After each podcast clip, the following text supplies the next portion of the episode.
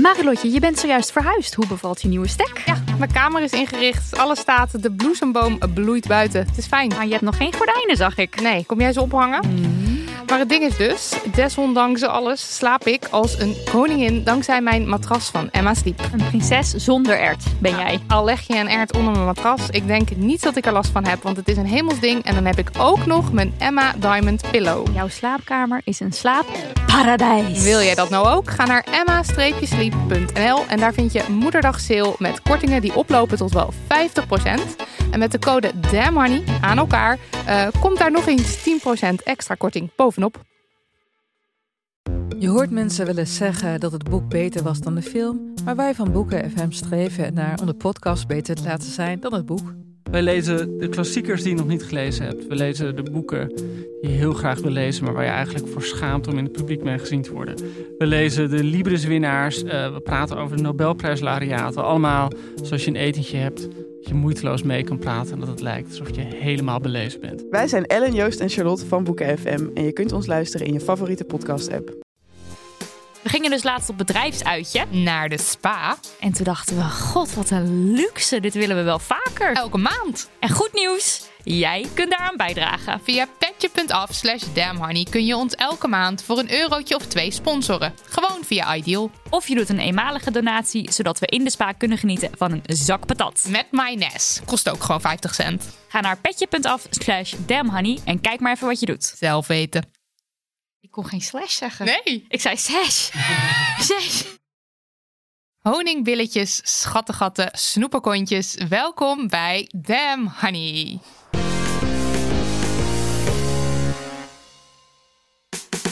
De podcast over shit waar je als vrouw van deze tijd mee moet dealen. Mijn naam is Nidia en vandaag is het dag 15 van mijn cyclus. En dat betekent in mijn geval dat ik ovuleer.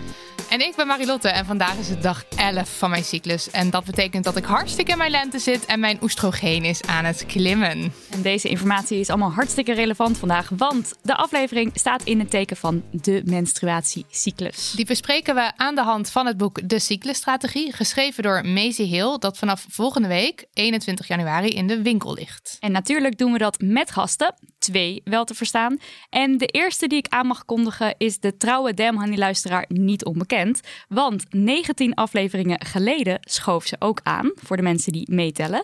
Eh, toen om te praten over dik zijn. Eh, maar misschien ken je haar ook wel van De Groene Podcast of haar blog De Groene Meisjes. Ze houdt zich bezig met duurzaamheid en bewust leven, eh, literatuur, zowel jeugd als volwassen literatuur, mentale gezondheid en queer representatie. En ja, wie zou het dan zijn? Ook geen idee. Geen Merel!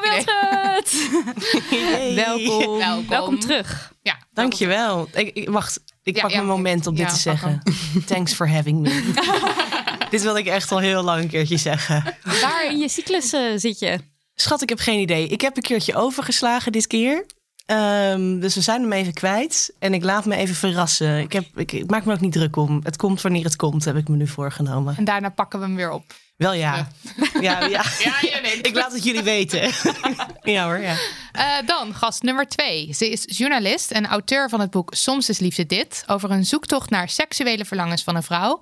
In mei dit jaar komt haar nieuwe boek uit dat ze samen met Milou Delen schrijft. Genaamd Krabben.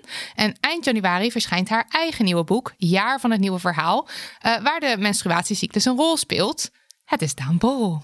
Hallo. Hallo, waar zit jij in je cyclus? Ik zit in dag 14, dus we zitten echt allemaal heel dicht Oh, bij ja, elkaar. echt? Ja. High five. Oh, echt midden zomer. En heb jij ook, helemaal weet je wanneer je overleert? Of zou moeten? Wow, ik wist niet eens dat... Ik dacht dat het bij iedereen ongeveer... Nou, ik heb het gewoon aan de hand van mijn app. Oh, en die zei precies vandaag, zei die van, Oh. het lijkt erop, het, het gaat gebeuren. Ik loop, Nee. ik loop dat altijd te doen met slijm en zo. Dan denk ik, ja, nu is het zover. Ja, ik deed dus heel erg eh, temperatuur opmeten. Oh ja. Maar op een gegeven moment was daar ook niks meer uit op te leiden, zeg maar. Uit, uit- dus, Maar En voelen jullie het ook, dat jullie overleren? Nee. Ik ook, Oh. nee, ja, jawel. Ik heb soms, nou, laten we dit allemaal straks bespreken, denk Ja. ik. Toch? Ja, sorry, het is mijn lievelingsonderwerp. Nee, ja, ik snap Ik het. duik er graag er meteen meteen in. in. We gaan dit straks doen. Ja, is goed. Voordat we dat doen, eerst Marilotte. Ja? Wat is het minst feministische wat je afgelopen week gedaan of gedacht hebt? Ja, eh, nou, de- we hebben een gezamenlijke minst feministische eigenlijk. Maar Nidia wilde hem niet doen, want ze heeft het altijd over haar. Dus daarom eh, doe ik het nu. en ehm, we gingen naar de sauna. En eh, dat is leuk, hadden we zin in. We hadden een soort bedrijfsuitje eh, om te ontspannen en hè, nieuwe ideeën op te doen, dat soort dingen. Dus eh, we gingen met z'n tweeën naar de sauna. Eh, en toen appte ik Nidia 's ochtends van, gaan we zo? Ben je al klaar? En toen zei Nidia, nee, ik moet eerst nog douchen. En toen dacht ik, hè, maar waar gaan ze naar de sauna? Waarom zou je dan eerst willen douchen? En dat moest dus omdat alles bijgewerkt moest worden. En in eerste instantie dacht ik echt, en toen dacht ik daarna, wacht even. De enige reden waarom ik nu niet wil douchen is omdat ik gisteren alles al bijgewerkt heb. Voor, omdat ik naar de sauna wil. Dus er was eigenlijk in ons hoofd niet echt eh, een optie om ongetrimd, ongeschoren naar de sauna te gaan. Dus ja. Maar was het niet echt, was het echt geen optie of gewoon een soort voorkeur? Nee, het is, ik zou, ja, ik zou het het, is wel een, doen. een sterke voorkeur. Ja. Want in de sauna ga ik al zo lang mogelijk onder water staan. Dus waarom zou ik in hemelsnaam dat thuis eerst nog gaan doen? Dat is gewoon helemaal niet praktisch of, of handig of zo. Dus je doet echt Maar- iets wat nu- niet nuttig Ja, is. nou, ik, het, het ging in dit geval bij mij dan om mijn okselhaar. Ehm, maar dat, als je in de sauna zit, ik heb ooit een keer van zo'n saunameester geleerd van in de opgieting, dan kan je zo je armen eh, achter je hoofd doen in de lucht. Dat is goed om warmte Mm. kwijt te kunnen tijdens de opgieting. En toen dacht ik, ja, dan zit je daar echt hutje-mutje tijdens die opgieting. En dan ga ik met mijn arm omhoog en dan voel ik me daar niet lekker bij. En ik wil niet mijn bewegingsvrijheid in mijn hoofd gaan beperken van, oh, wat vinden mensen daarvan? Dus dan haal ik het weg. Dat was de redenatie bij mij. En dat vind ik heel stom en treurig en dom dat ik me hier dus zo mee bezig hou. En toch gebeurde het. Ja. Nou ja. Nou, hetzelfde geldt een beetje voor mij. Ik, wilde, ik, heb, ik heb heel lang mijn schaamhaar niet bijgehouden. Of gewoon een beetje soort van had Eh, en nu stond ik opeens weer een half uur onder de douche van alles bij te knippen en te doen. En toen dacht ik, waar ben ik nou helemaal mee bezig? Ik doe dit voor de sauna. Maar ja, het gebeurde toch. Lydia, je had er ik nog één. een- ja, ik had een hele lijst eh, afgelopen week. Maar ik zal er even eentje uitlichten. Ehm, eh, lang verhaal kort. We hadden het met een groepje vrienden had ik het over eh, de basisschool. En dat hadden we, we hadden het daarover aan de hand van een brief die in Volkskrant Magazine stond. Wat zou u doen? Eh, de, de juf van mijn kind, die maakt allemaal gram, grammaticale fouten in haar briefjes. Wat zou u doen? En dan kan je dus als lezer reageren. En eh, elke zaterdagochtend ga ik dat dan met dat clubje vrienden lezen we dat voor aan elkaar. Enig. En toen zei ik zoiets, toen we dat even besproken hadden, van als ik ooit moeder mag worden, dan echt dat vrouwengezeik op die scholen, daar heb ik echt totaal geen zin in. En toen keken zo, twee vrienden keken me zo aan. Dat moet je even uitleggen, vrouwengezeik. En het kwam omdat een vriendin van mij net een verhaal had verteld. Zij werkt zelf op een basisschool over eh, collega's die huilend waren weggestormd en gedoe en eh, achterbaks En daar moest ik allemaal aan denken. Ehm, maar eigenlijk vind ik het best wel kwalijk van mezelf dat ik dus ehm, eh, bijvoorbeeld huilen op je werk, dat ik dat Mm. dus als zwak en als vrouwengedoe zie. En dat ik dat wegzet als iets van Ja. dat gedoe met die vrouwen, met die wijven die dan gaan janken. Daar Ja. wil ik niks mee te maken hebben. Dat.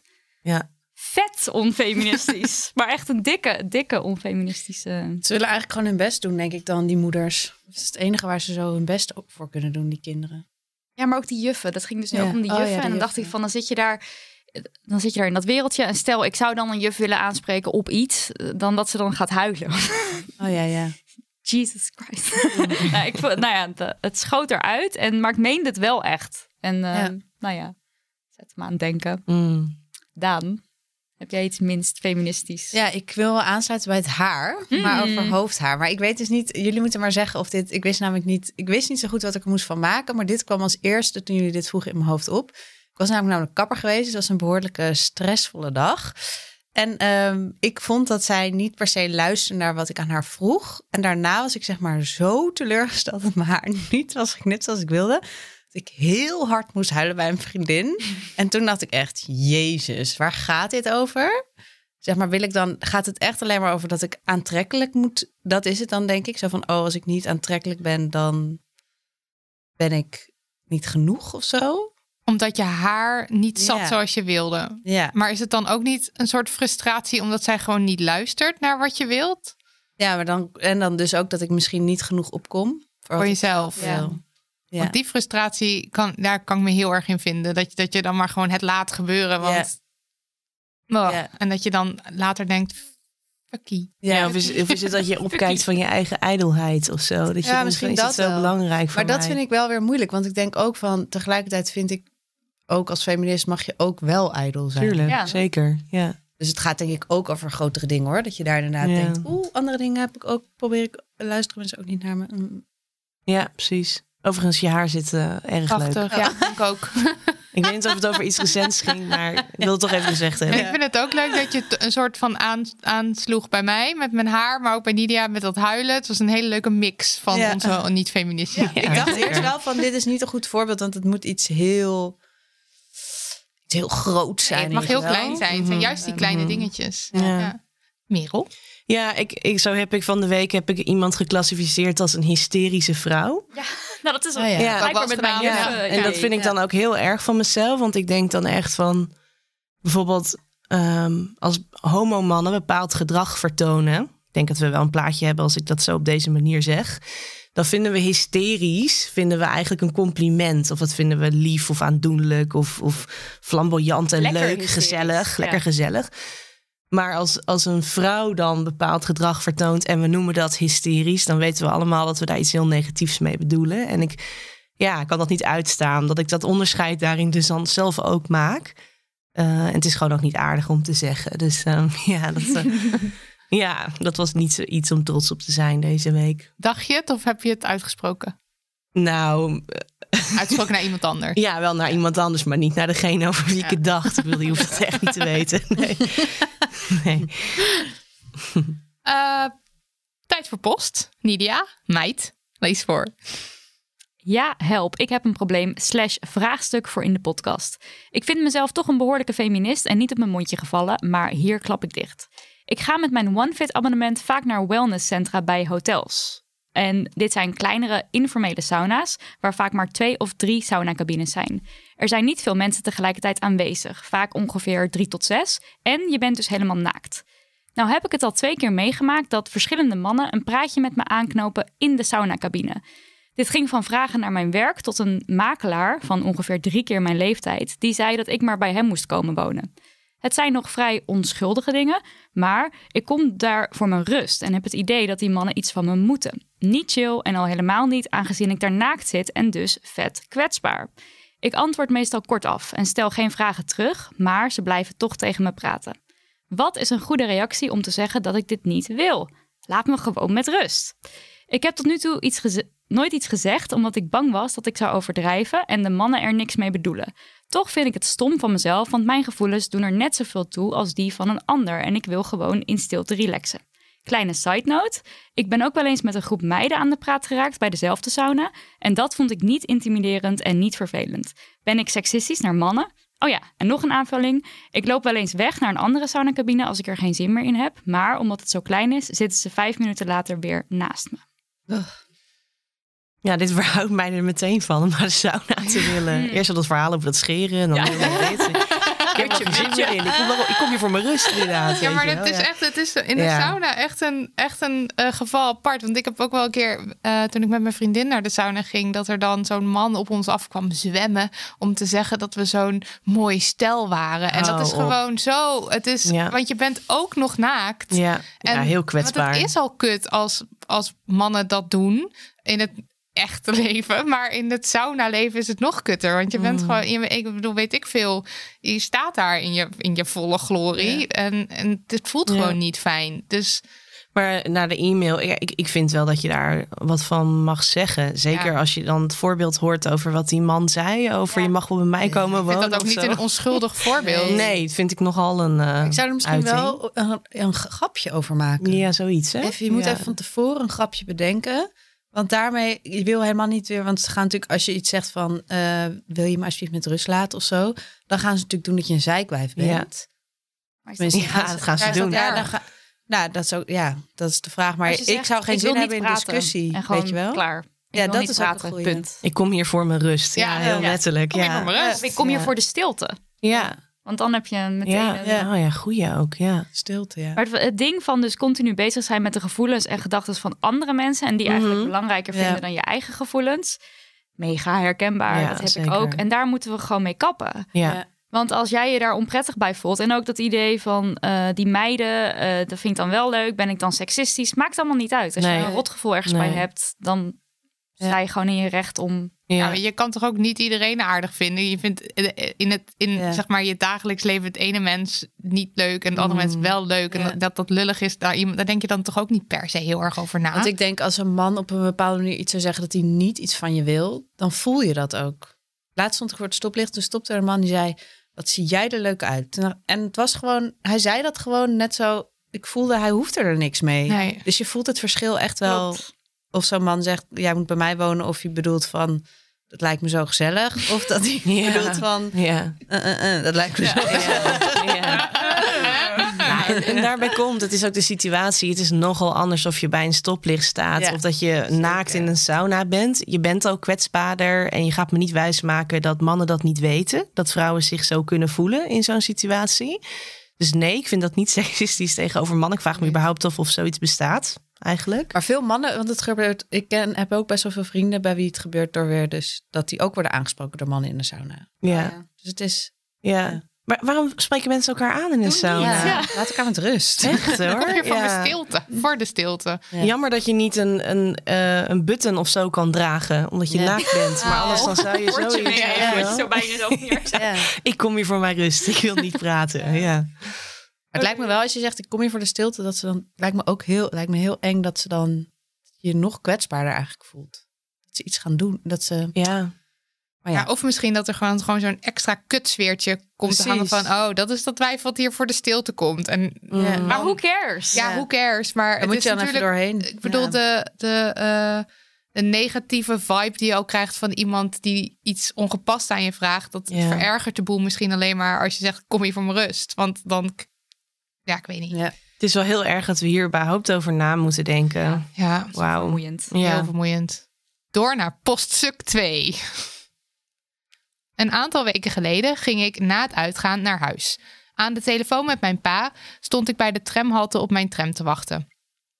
Ineens uit het niets plaatste iemand zijn handen aan de zijkant van mijn lijf, onder mijn armen, precies naast mijn borsten, om mij aan de kant te duwen omdat hij er langs wilde.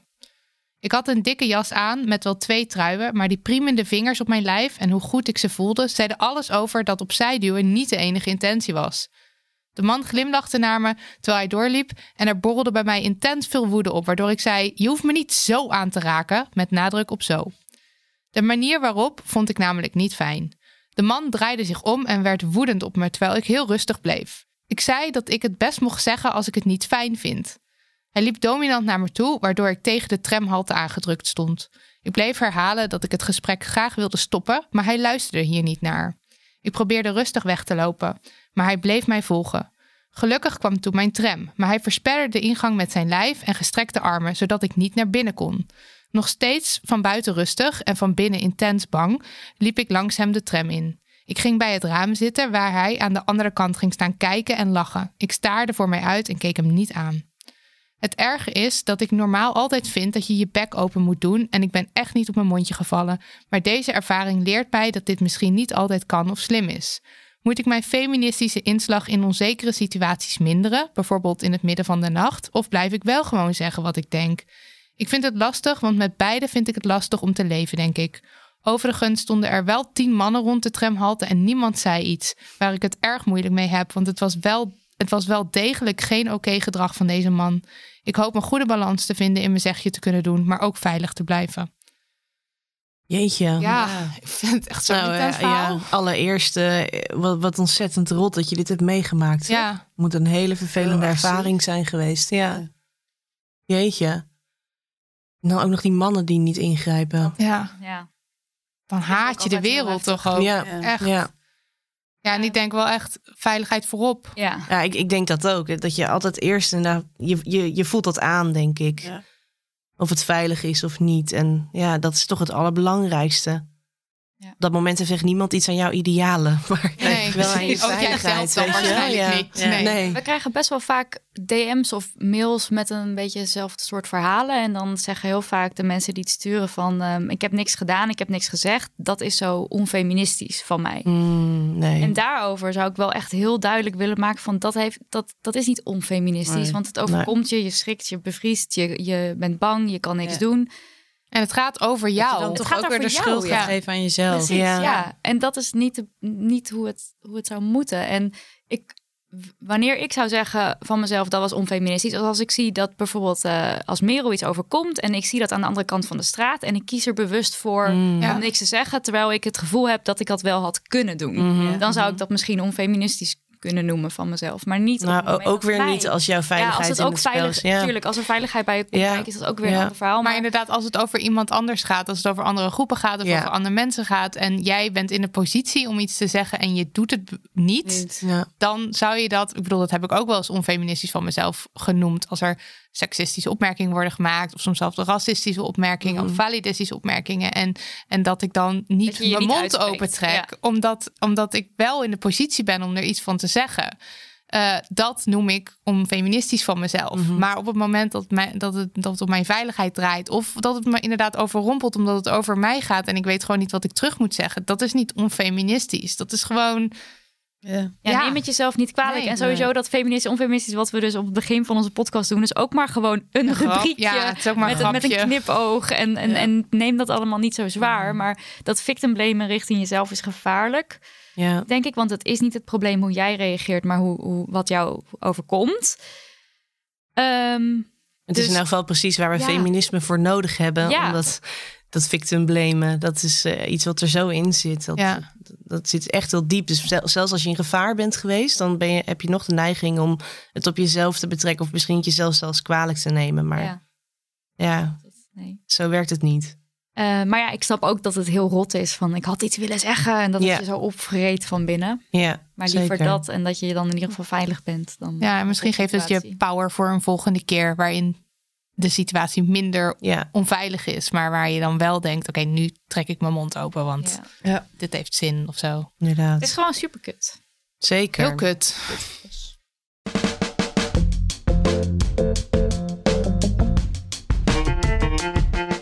Even snel een tussendoortje. We hebben namelijk een oproep. Op vrijdag 6 maart wordt de Rivius Pelletier penning uitgereikt en we zijn benieuwd wie volgens jou zou moeten winnen. De penning zou je kunnen kennen uit aflevering 13, waarin wij Devika Partiman te gast hadden, de oprichter van Stem op een Vrouw.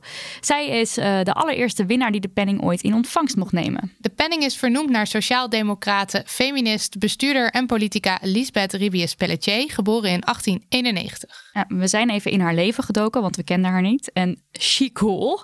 En de reden dat de Ribius Pelletier penning naar haar vernoemd is, is omdat ze de eerste vrouwelijke bestuurder in de provincie Noord-Holland was. Nog wat fun facts over deze vrouw. Ze zat bij het illegale Nederlandse Vrouwencomité. Dat in de oorlogstijd tot stand is gekomen. En dat diende als contactpunt van landelijke vrouwenorganisaties. dat namens de Nederlandse vrouwen optrad. En wat ik zelf echt super cool vond eh, aan haar of vind, is dat ze in 1932 op eigen kosten de Born heeft laten bouwen.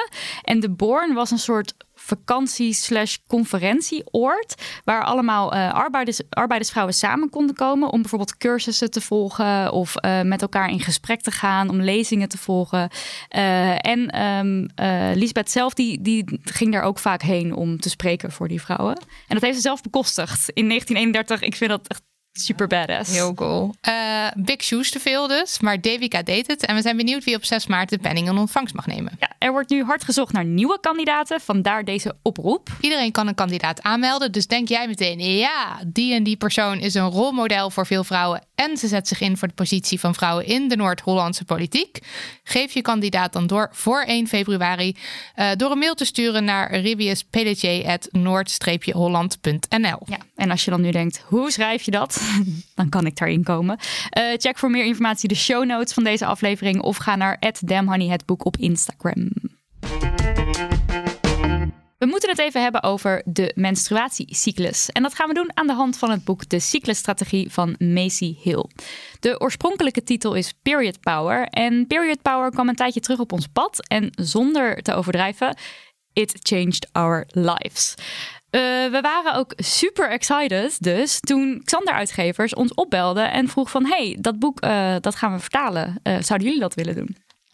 En toen schreeuwden wij hell yes. Dus dat hebben wij gedaan. En komende week, 21 januari om precies te zijn, ligt de cyclusstrategie in de winkel. Nidia, leg jij eens kort uit. Kort hè? Ja. Waar gaat dit boek over? Ga mijn best doen. Uh, nou, de cyclusstrategie leert je samenwerken met je hormonen. En het biedt een no-nonsense uitleg van wat er nu exact in je lichaam gebeurt elke maand. En hoe je elke fase van je cyclus in je voordeel kan laten werken. Ja, want voor de duidelijkheid, niet iedereen weet misschien waar we het nou precies over hebben als we het over een menstruatiecyclus hebben. Het gaat hier niet alleen om je ongesteldheid, maar het gaat om de hele periode. Dat is dus vanaf ongesteld worden, de eerste dag van je cyclus, tot aan je volgende menstruatie. En dan ga je weer opnieuw een cyclus in.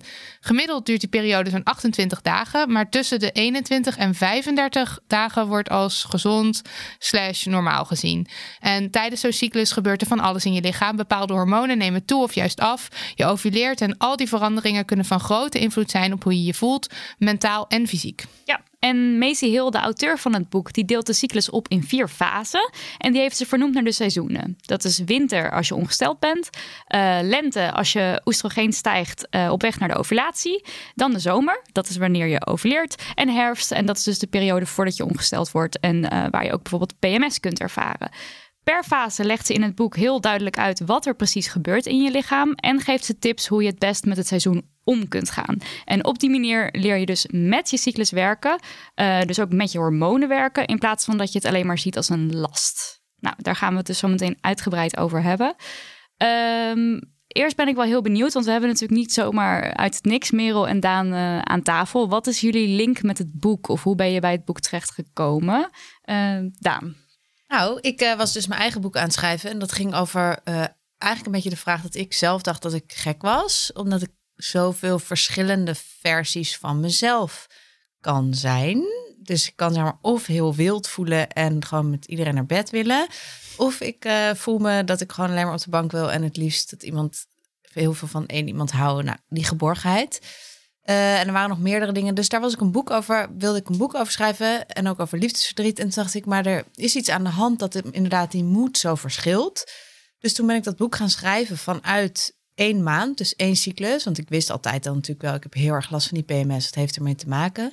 Dus ik ben dat boek gaan schrijven over precies één cyclus. En toen op een gegeven moment kwam mijn redacteur, toen het eigenlijk al best wel ver gevorderd. Ik had het dus al wel ingedeeld zo in die maand. Mm -hmm. Toen kwam zij met dat boek Period Power. En toen was het echt zo van, oh mijn god, hier staat alles in. Mm -hmm. Oh wauw, dat ja. was echt zo op elkaar zo nou, te klappen van wow. Ja, ja, nou ja, het ging precies over één maand. Alleen mijn boek is natuurlijk helemaal geen, is niet een informatieboek, maar het gaf eigenlijk alle antwoorden, of tenminste op dit gebied heel veel antwoorden. Zo van, oh, zo daar hierdoor komt het dus allemaal. En um, het is, ik had al dus door dat schrijven van het boek dat ik dacht, oké, okay, ik ga echt gewoon nu volgen hoe het bij mij werkt en me niet meer zo laten kisten. Mm -hmm. En uh, en dit was eigenlijk dus nog meer een bevestiging. Zo van, het klopt allemaal wat je voelt. Mm. En geef er maar aan over. Ja. Dat je misschien bijna degene, um, jouw hoofdpersoon, dat boek wil geven van hier is de verklaring ja, voor alles precies. wat je voelt.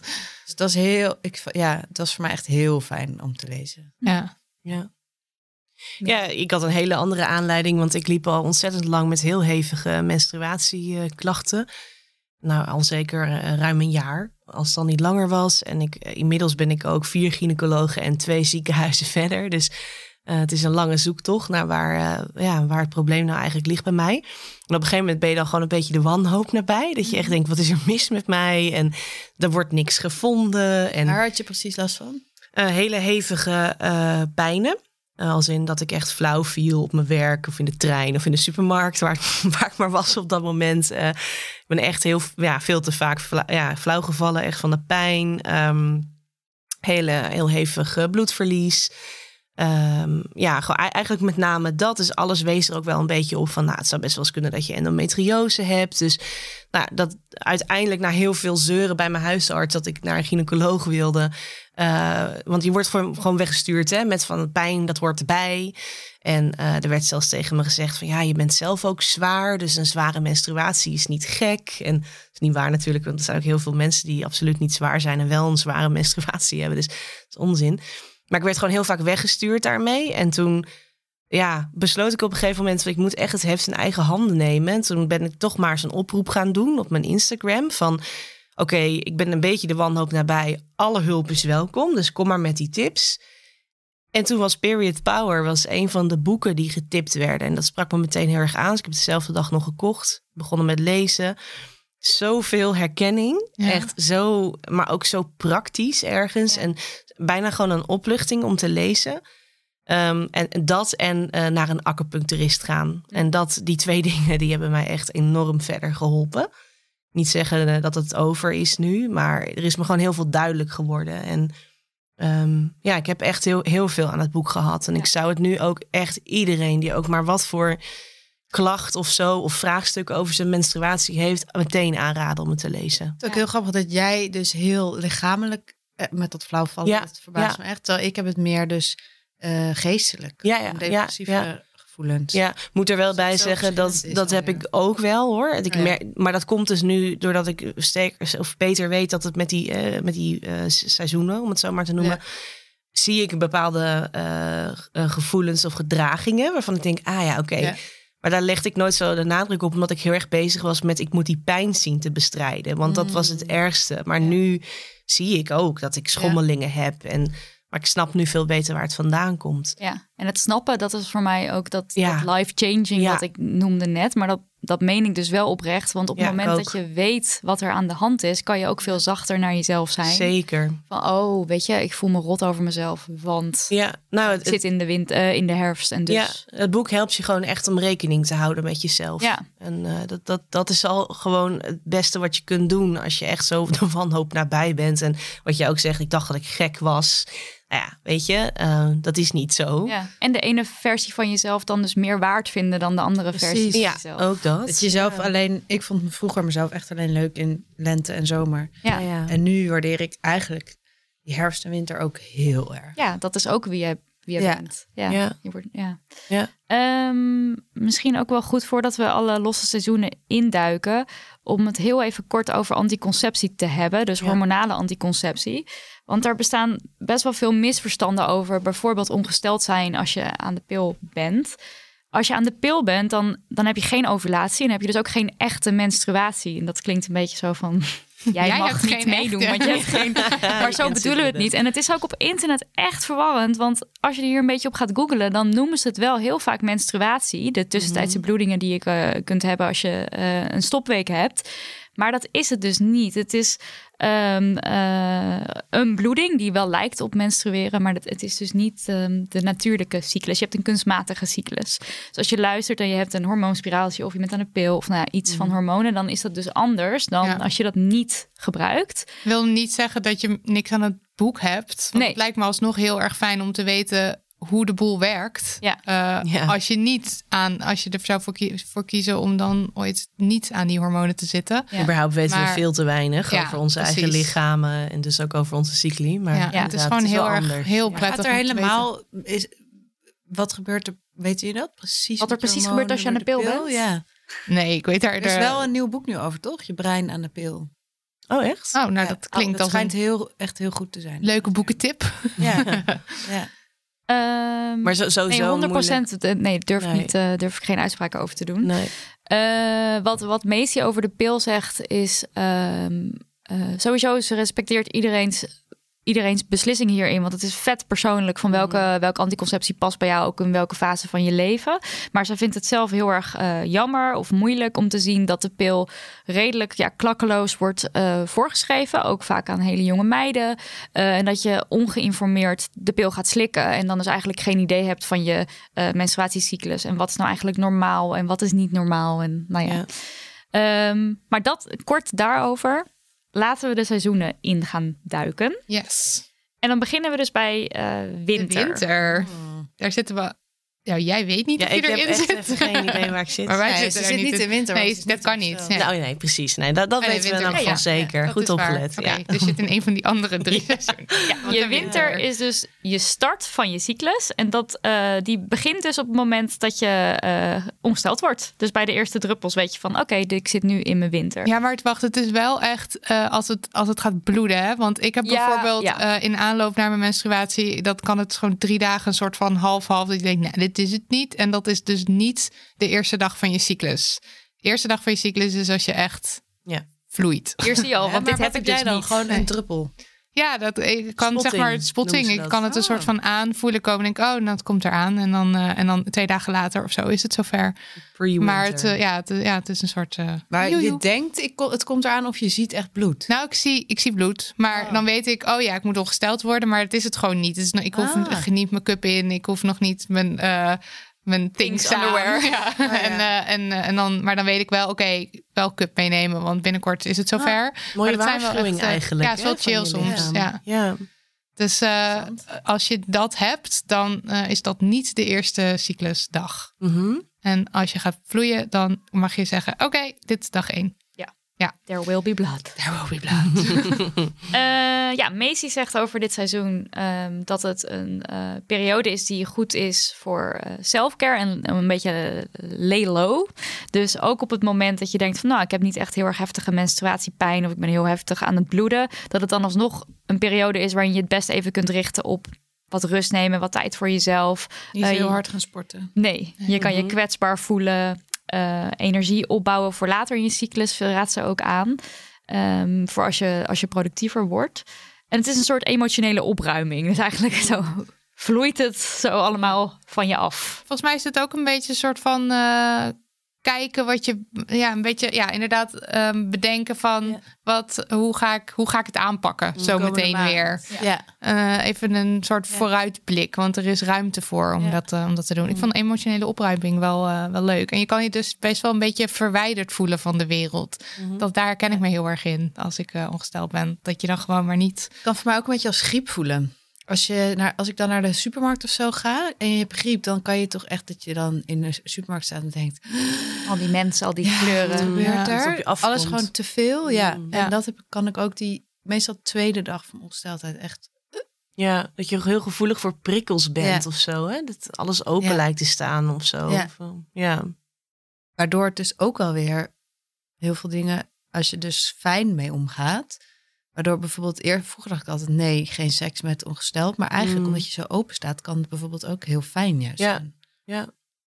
Zegt ze daar ook niet iets over? Dat dat juist misschien volgens eigenlijk mij voor jou wel, hoor. moment Pijnbestrijding. Dat is een, ja, dat ook. ja. Ja, dat sowieso, hè? Ze Ja. zegt de hele tijd, ga orgasmes hebben, want het is, eh, het is Ja. goed voor je ontspanning. Zet en iedereen aan het werk. Zet Ja. jezelf aan het werk. Ja, ja. Zijn jullie van eh, seks en menstruatie of is dat niet een, eh, vind je dat niet fijn? Ik zeker wel. Ja, ik tegenwoordig ook. Ja, ja, dan was ik echt. Oh, was ik gevoel. krampachtig was ik daarmee. Hè? Van dat gaan we echt niet doen. Dat Oh, is ja. één ding dat ik zeker weet. Dat gaan we niet doen. Door schaamte of wat? Ja, dat denk ik. Hm. Ja, ongemak en schaamte. En nu eh, kan het me niet zo heel veel meer schelen. Maar ook denk ik, ik denk wel dat het ook iets met veiligheid. Want wat we dus zeggen, Ja. je voelt je kwetsbaar. Als je, eh, dat bedoel ik dus niet met alleen met dat bloed, maar je vagina voelt ook gewoon kwetsbaar. Dus Mhm. ja, ik zou niet per se met iemand bij wie ik me niet zo veilig voel, zou ik het dan denk ik minder snel. Ja, dat, dat denk ik ook wel. Dat het ook wel voor mij geldt. Dat in een vaste relatie, dat is, is, is dat allemaal wel anders. Voor mij, hè? Ik bedoel, Mhm, dat is heel persoonlijk natuurlijk. Dus dat helpt ook zeker mee. Maar Ik hou er niet van. nee. Nee, ik vind het niet fijn. Vooral niet de eerste twee dagen, want dan valt alles uit Ja, me. En ja. dan eh, ben ik al lang blij als ik, het, als ik niet doorlek. en Ja, daar ja. ben ik heel erg mee bezig met Ja. gewoon maar de boel opvangen. Het is wel onhandig. Het is zo gedoe. En, Ja. eh, en, en inderdaad, alles, alles, ik weet, alles wordt zeer of zo. En ik, wil, ik vind het wel heel prettig om aangeraakt te worden, maar Ja. gewoon niet bij mijn vulva. Nou ja. En wel overal. Want ik merk wel dat ik heel gevoelig ben. Ehm, want Ja. als ik wel weet, als, als, eh, als eh, ik geëid word of zo, dan krijg ik meteen kippenvel. Dus ik merk wel dat ik heel erg open sta. Maar ik ben zo bezig met dat ik, dat ik het Mm. hier allemaal, dat ik het bij mijn vulva allemaal niet zo prettig vind. En zo, dat pak ik liever in. En dan voor de rest mag je me aanraken. Ja, ja, ja. Dat vind ik ook wel wat jij zegt over dat geëid worden. Het is wel echt heel bizar. Dus ook inderdaad dat het sommige dingen heel fijn kunnen voelen als je ongesteld bent. Ja, Ook extra fijn. in de echt. zon fietsen of zo. Of Mm. ik ben de laatste keer wel, ging ik echt sporten. Nou, dus kreeg ik gewoon helemaal zo... Je krijgt dan ook een soort gelukshormonen kan je dus krijgen... die om die pijn, die maakt je lichaam dus aan Ja. om die Mhm. pijn te bestrijden. Bestrijden. Eh, dus dat vind ik ook wel heel bijzonder. Ja, zeker. Ja, een, een oxytocine of Ja. zo, toch? Maakt je Ja, lijf ja, aan. ja. Dat het een soort van verdovend werkt, omdat je ja. tegen de pijn... Ja, dat Dan vind schijn je ook mooi. veel dieper te kunnen slapen en zo, geloof ik. Als je, als je menstrueert, dus dan... Ik weet niet precies wat daar gebeurt, maar het- alles is, lijkt intenser. Ja. Zo. En hebben jullie veel eh, eh, fysieke klachten? Ja, dus jij, jij, jij ja. vertelde het net al, Merel. Ja, ja, en dat is helaas ook nog niet, nog niet helemaal over of Mhm. zo. Ehm thank God voor goede pijnbestrijding wel. Maar ehm, ja, ik heb, ik heb veel pijn. Ja, En wat, eh, je pijnbestrijding dus. En wat, ja waar moet ik dan aan denken? Eh, b- aan- bij die pijnstillers. Ja? ja door de gynaecoloog voorgeschreven pijnstilling die je niet bij de kruidvat kunt Ja, echt kopen. heftige... Ja, die je ook echt maar gewoon drie dagen mag slikken. Omdat anders Ja. wordt het allemaal eh, te veel. Met maagbeschermers erop en Oh, eraan. ja. En ja, daar moet je eigenlijk dus niet te afhankelijk van worden. En dat is ook waarom ik nu verder onderzoek wil doen op een wat alternatievere manier. Omdat ik gewoon niet nog de rest van mijn menstruerende leven aan die, eh, aan die, die eh, pijnstillers vast wil zitten. Maar is er nu verbetering met bijvoorbeeld een jaar of twee jaar geleden? Of is het altijd nu nog steeds zo heftig? Of heb je nu Ehm, door acupunctuur al... Ja, het, het, is wat, het is een beetje milder geworden, maar het is zeker nog niet over. En daarvoor ben ik ook nog niet lang genoeg bijvoorbeeld met acupunctuur bezig. En je moet ook je dieet aanpassen en dat doe ik ook nog niet goed genoeg. Dus ik kan zelf ook nog meer doen. Daarbij komt dat het er nu sterk op lijkt dat mijn lever niet zo goed functioneert. Dus nu moet ik daarop concentreren. Dus het is niet één op één eh, op te lossen. Nee. Eh, de gynaecologen en mijn huisarts die zouden dat graag willen door mij eh, de pil eh, te laten slikken. Of een prikpil is me ook voorgesteld. Gewoon om het plat te leggen, omdat je er dan vanaf bent. Maar ik ben 33 en ik, ja, misschien wil ik volgend jaar of over twee jaar of whatever wanneer maar aan toch gaan nadenken over baby's krijgen. Op dit moment nog niet, maar misschien komt het nog en ik wil gewoon niet alles plat leggen nu. nee. Dus ik moet het toch van die pijnstillers wel even hebben nog. Ja. ja.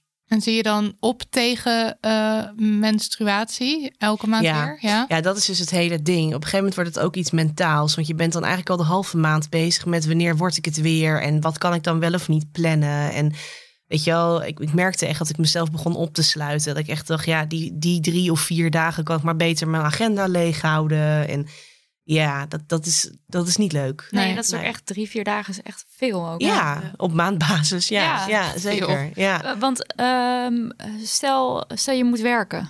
ja, nou ja. Kan dat? Of, of- Ja, in principe jawel. En de een of de andere keer is het iets minder heftig. Het is ook wel heel vaak goed gegaan. Maar ik Mhm. ben wel eens met een, eh, met een Uber naar huis gestuurd door Mhm. mijn collega. Omdat ik daar gewoon stond eh, weg te trekken, zeg maar. En ik herinner me dat ik een keertje bij jullie een podcastopname zou doen. Dat ik heb moeten afzeggen. Omdat Ja. ik gewoon niet met de trein durfde. Omdat ik zo eh, veel pijn had. ja. Ja, ja, dat is. eh, het begint, ja, op een gegeven moment begint het ook je sociale leven te beheersen, inderdaad, je werk. Dus het hoort echt niet zo te zijn. En we worden echt weggestuurd met van ja, pijn, dat hoort erbij. Maar Dat zo extreem. onderschatten ervan. Ja. Oh, dat is zo erg. Ja, is heel erg. Daarover Ja, zegt Macy ook over die krampen van het, het gebeurt veel, maar het is niet normaal. Precies, precies. Ja, Dus dat we Ja. dat ervaren, dat hoeven we niet te doen alsof dat... nee, nee, zeker niet. Maar dus ook niet, want wat jij beschrijft klinkt heel extreem. ja, Maar gewoon kramp hebben, eh, wat we met z'n allen dus maar normaal vinden, is ook misschien niet normaal. Nee. Dat vinden we vooral normaal omdat het zoveel voorkomt. mhm, Maar het hoeft helemaal niet. nee. Eh, dat vind ik. Ik heb het ook niet zo, dus als ik eh, de lichte versie van eh, de menstruatiecyclus mag, erin mag gooien. Mm, Ik heb het allemaal niet zo. nee. En bij jou, Daan? beetje, Wat is maar- jouw fysieke... Ja, ik heb wel buikpijn eh, erg en rugpijn. ja, Maar niet eh, helemaal... eh, nee. Dubbel liggen, zeg maar. ja, het verschilt wat jij ook zegt wel. Het verschilt per maand. Ja. Soms heb ik ook het- een beetje het idee dat je weer een cyclus hebt met je cyclussen. Zo. ja, dat heb Om ik de ook. drie. Oh, zo. Een beetje. Dat, dus zeg nou, maar ja. heel erg. en dan minder erg en dan weer een beetje erg en dan heel erg. Maar is dat niet ook zo? Want Ja, je hormoonhuishouding vernieuwt zich zo nu en dan volgens mij ook. Hmm. Of dat verandert. En dat, Ja. Kan dan bijna niet anders. Dat ik bijvoorbeeld nu een menstruatie heb overgeslagen, is voor Ja. het eerst in jaren dat dat gebeurt. Ben je daar trouw- trouwens nu blij mee? Dat dat, Ja, even wel. Ja, ik wel heel eerlijk. Ja, grappig, want ik was van de week met mijn acupuncturist. Die zei, we kunnen het opwekken. Ik zeg, nee, hel no. even niet. Laat me maar even. Ik vind het eventjes wel prima. Maar heb jij dan wel eh, die PMS, zeg maar, dus Ja. je die gehad? En je wordt nu gewoon niet ongesteld? Oh, zo bedoel je? Eh, nee, nee, ook dat bleef uit. Dus het was, het, Oh, oké. ik, ik moest, ik, ik dacht al wel van wat gek, hè, ik voel me eigenlijk nog steeds goed. En ik Ja. zou overmorgen ongesteld moeten worden. En het gebeurde gewoon niet. Hm. Ik zou op eerste kerstdag ongesteld moeten worden. En ik was dus echt al een week bezig met, oh nee, waarom op kerst? Oh, En. Nou ja, het bleef uit. Misschien heb ik het weggedacht. Ja, ja. Nou ja, ik heb dus vorig jaar dus ook dat gehad, dat het gewoon Ja. steeds langer werd.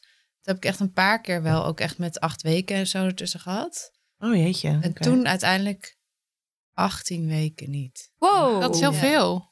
En kan je verklaren voor jezelf waarom dat was? Nou, toen ben ik dus uiteindelijk wel naar een dokter gegaan, want het voelde niet echt, het voelde niet als er gebeurt iets ergs met me of zo. Het voelde eigenlijk wel, was eigenlijk best wel lekker, want Ja. het voelde gewoon alsof ik constant in mijn lente zat. ja, dat was eigenlijk ja, gewoon ja, het is zo. Veel meer energie. Ja, is zo, ja. En, eh, maar toen hebben ze wel een scan dus gedaan. En toen zagen ze wel veel ehm kiestes, goedaardige kiestes in mijn eierstokken. Dus dat kan duiden op PCOS. En dat kende ik ook allemaal niet. Maar dat schijnen dus ook veel vrouwen in hun leven te hebben. Dan is je hormoonbalans eigenlijk dus zo uit balans dat de eitjes geen sprong maken. Dus die blijven achter in je eierstok en dan zijn ze leeg. Eh het zijn allemaal een soort vliesjes. Maar ik heb toen ook nog weer in een ander boek gelezen dat het kan komen. Ik had toen heel lang geen seks. Of heel lang, een half jaar denk Mhm. ik. Eh, dat het daar dus ook door kan komen. Dus dat je lichaam gewoon denkt van nou, is niet nodig. Niks aan de hand. nodig, niks aan de hand. eh, Gaan Ja, even op pauze. Goed. Ja. ja. kijk, het, het is wel heel wonderlijk. Maar ik, ik geloof echt wel heel sterk in dat je lichaam die dingen gewoon opvangt of zo. Op een of andere maffe manier. Ja, Ja, ik Oh, moet er ook steeds- verhaal. Daarom vond ik dit boek ook zo fijn. Dat je echt, zij zegt eigenlijk gewoon leer vertrouwen op wat Ja. jouw lijf zegt. Ja, En, dat En zijn- leert kennen. en leert kennen. Ja. En dat zijn we zo niet gewend. Nee. maar we weten echt niks. Nee. Echt niet. Wat Ja. ik ook van haar leerde is dat je dus eh, je eerste menstruaties, die kunnen heel heftig zijn. Had ik gelukkig ook niet. Maar ik weet wel van vriendinnen die echt ook inderdaad flauw vallen en zo op de middelbare school. Eh, en daar zegt ze dan over van ehm, in, die, in die fase is je lichaam nog eigenlijk aan het wennen. En je receptoren zijn ook heel gevoelig. Er gebeuren allemaal gekke dingen. En het kan dan wel eens zijn dat je niet overleert. En Mm. doordat je niet overleert, ehm, blijft er eh, veel oestrogeen ook in, of oestrogeen. Ja, hey, lastig, we don't know. Oestrogeen, We oestrogeen. zeggen oestrogeen. Ehm, in je lichaam. Ehm, en uiteindelijk, eh, ja, dat is niet goed voor je lichaam. Dus Nee. nee. oestrogeen is zo, jee, super cool. Maar je moet er niet te veel van hebben. Je moet er niet te veel blijven hangen. En daarom kan het dus zijn dat het in je tienerjaren vet heftig is om ongesteld te worden. Mhm. Maar op het moment dat je dan dus aan de pil gaat en eigenlijk daarna, nou ja, laten we zeggen 10, 15 jaar aan de pil blijft, dat je denkt, nou prima. Ja. Dan weet je dus eigenlijk helemaal niet hoe jouw, ja, reageert. jouw Nee. nou, normale Ja. cyclus is of hoe jouw normale menstruatie is. Ja, Ja, en, en dat terwijl... ehm ja, mag ook. Ja, nee, ik wacht. dat er wel, eh, als je je eigen menstruatiecyclus kent en als je weet hoe het werkt, is het ook gewoon een heel, eh, een hele belangrijke graadmeter voor hoe het ervoor staat met je gezondheid. Ja. En dat komt in dat hele boek ook naar voren. Het is zo belangrijk om dat te kennen. En dan mag je alle keuze. Je, je kunt aan de pil gaan, een hormoon of, of niet. Maar weet in ieder geval eerst hoe je werkt. Ja. Ja. Leert een beetje kennen. En maak daarna een geïnformeerde keuze in wat je wilt doen aan anticonceptie bijvoorbeeld. Ja. Eh, want er zijn genoeg redenen om aan het anticonceptie te gaan. Maar het is zo eeuwig zonde eigenlijk. Want ik heb heel erg veel aan dat ik weet eh, wanneer ik ongesteld word. Je weet dan eh, dat het goed zit. En als je niet ongesteld wordt, dan denk Ja. je misschien... hé, hey, er is iets aan de hand. En dan ga je voelen of er iets aan de hand is. Nou, bij jou En wat je voelt het dan- is. ja, precies. En, en je voelt ook wel dan of het misschien iets ergs is of niet. Ik denk, ik geloof er dus heel erg in dat je dat wel aanvoelt. Ehm, het is zo Ja, jammer. het is echt zonde. alles plat eigenlijk. Ja. ja. ja. Ik zat ook nog te denken, dat hoorde ik, leerde ik ook pas laatst, dat je als tiener ook dus, omdat je dus die hormonen zo gaan veranderen, dat je dus ook paniekaanvallen heel erg kan hebben. Oh ja. Oh, ja. Dat ik ook wel echt, eh, zeg maar, angstig en depressief. Maar dat komt dus ook omdat het allemaal in één keer gaat veranderen. dus Ah, wat jij ja. zegt, Je bent dus een beetje aan het opstarten in Ja, de maar volwassen Het zou fase. toch heel veel rust geven als dan iemand tegen jou zegt van dit is heel, heel vervelend. En Ja. dat je het ook dat het erkend wordt, maar dat er ook wordt uitgelegd van het heeft Dit te maken met een verandering in je lichaam. Mhm. Ja. Maar Zodat vraag je me weet waar het vandaan komt. niet bij biologie geleerd? Nee, man. Nee, echt Niet nee. zo uitgebreid niet. ieder geval. Daar leer je alleen oestrogeen en Ja. testosteron is voor Ja, maar niet waar, en- waar, waar het voor staat eigenlijk. Nee, je, je leert niet wat het doet. Nee. En ik, Ik denk ook dat, het dan ook dat ik dan te jong was geweest om het echt even helemaal goed tot me te nemen hoor. Als ik Ja, maar er- als ze hadden gezegd van eh, meisjes, voelen jullie wel eens eh, zus of zo? Nou, dat kan hiermee te maken hebben. Dan denk je denk ik wel dat, dat je was denkt, wel fijn oh, geweest, ja. Ja. Mm. Ik zit nu ook een beetje zo terug te denken aan mijn eerste jaren ongesteld. Ik, ik kan me dus vooral nog herinneren dat het zo heftig was dat ik gewoon niet ergens heen durfde. En dat Ja. ik ook alleen maar maandverband durfde te gebruiken. Dan voelde ik het zo. Zo'n nachtmerrie Zo. dat je ongesteld moest worden als je op vakantie Ja, ging. Dat je liever thuis wilde Dat je op kamp moest of zo. Oh, en ja, en dan ook tien. zo heftig. Oh, zo vroeg. Tien. Ja, Oeh, dat is echt vroeg, ja, ja. wel bijna elf. Arme. Dat Maar is toch gewoon niet leuk meer. En als je, dat je dan eh, ook nog zo weinig over hoort en je ervoor schaamt. En dan Ja. hoor je ook nog eens niet. Want dan heb je dus al en al die angsten. eh, In retrospect heb ik ook het idee dat ik veel eh, eh, heel duister was of zo. Ook daardoor. Ja. Wel, ja. Dat zou best kunnen. ja, dat Ja. denk ik wel hoor.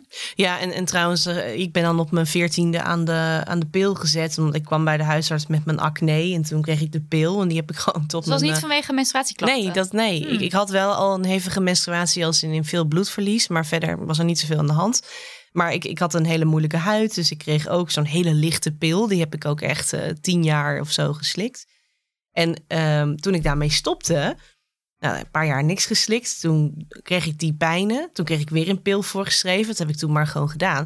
Toen werd ik hartstikke depressief. Oh. En toen ik stopte met die pil, viel er echt een soort iets helemaal van me af. Dus ook als je wel een pil slikt, kan je ook dat hebben. Dat, dat je, Ja. nou ja, je zegt duister of paniek. Of, Maar daarom vroeg ik net ook van hoeveel... Want ik had ook het idee toen ik de pil slikte... dat er ook nog, dat ik nog steeds een cyclus wel had. ja, Ja. ja. dat er nog Wel iets gebeurde ja. of zo. Ja. Maar hoe dan ook, moet je inzicht gewoon krijgen in je hormoonhuishouding. En in wat er gebeurt in je lichaam. En dat doe je niet door het gewoon te negeren en te zeggen, nou, eh, slik er maar wat voor. En, eh, Maar je doet het, en je doet het ook niet, want ja, dit heb ik volgens mij al in meerdere podcasts gezegd. Maar ik word ook gewoon heel boos van dat artsen zou kunnen beweren dat het echt geen effect kan hebben. Of dat het echt Ja, niet aan Ja, je. mij ook. Ja. dat is bij, de, bij mij met de Mirena-spiraal gebeurd en bij Nidia met de pil. Ja. Dat het gewoon zo van, nee, dat Ja. ligt daar even niet aan. Even doorslikken. Dan moet je, moet er nog aan wennen. Ben je acht maanden bezig, je bloed nog steeds. Het is Ja. zo'n ellende. Zien het nog even aan. Ja, dus ja, ik ben dan... We zien het nog even aan. Ja, en dan moet je dus echt soort van zelf op een gegeven moment zeggen: nee, ik wil hem er nu gewoon uit. Het ligt Mm. daar wel aan. Ik voel dat aan alles. En dan, opeen, en dan blijkt ook nog dat je gelijk had. haal hem eruit, Ja. ik doe het zelf. Weet je wel, ja. Oké, laten we door naar de lente. Ja, dus na een periode van rust beter, en jezelf koesteren, ga je zo omhoog. Dus Ja. volgens mij is het vanaf dag drie begint je oestrogeen te klimmen. Dat is nog in de winter. Ja. En dan kom je zo langzaam in je lente terecht. En de lente is een heerlijke, daar zitten wij nu in.